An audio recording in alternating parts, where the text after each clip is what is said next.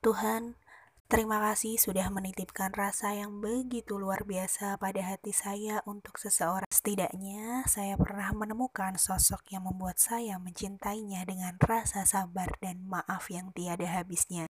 Laki-laki yang mengajarkan saya titik tertinggi mencintai yaitu mengikhlaskan, membuat saya jatuh cinta sejatuh-jatuhnya. Ya, laki-laki yang saya cintai dengan tiba-tiba dan mengikhlaskannya secara terpaksa. Ketika saya berusaha untuk terbiasa tanpanya, rasanya saya hampir gila karena melawan rindu. saya pernah menahan diri untuk tidak mencarinya, bahkan saya pernah menahan tangis bila mengingatnya. Saya sudah berusaha menjadi yang terbaik, tapi nyatanya saya gagal. Lantas, jika takdir kami tidak lagi bersatu, maka bantu saya dengan rasa ikhlas sebab melepaskannya adalah keterpaksaan yang benar-benar nyaris membuat saya membenci takdir saya sendiri.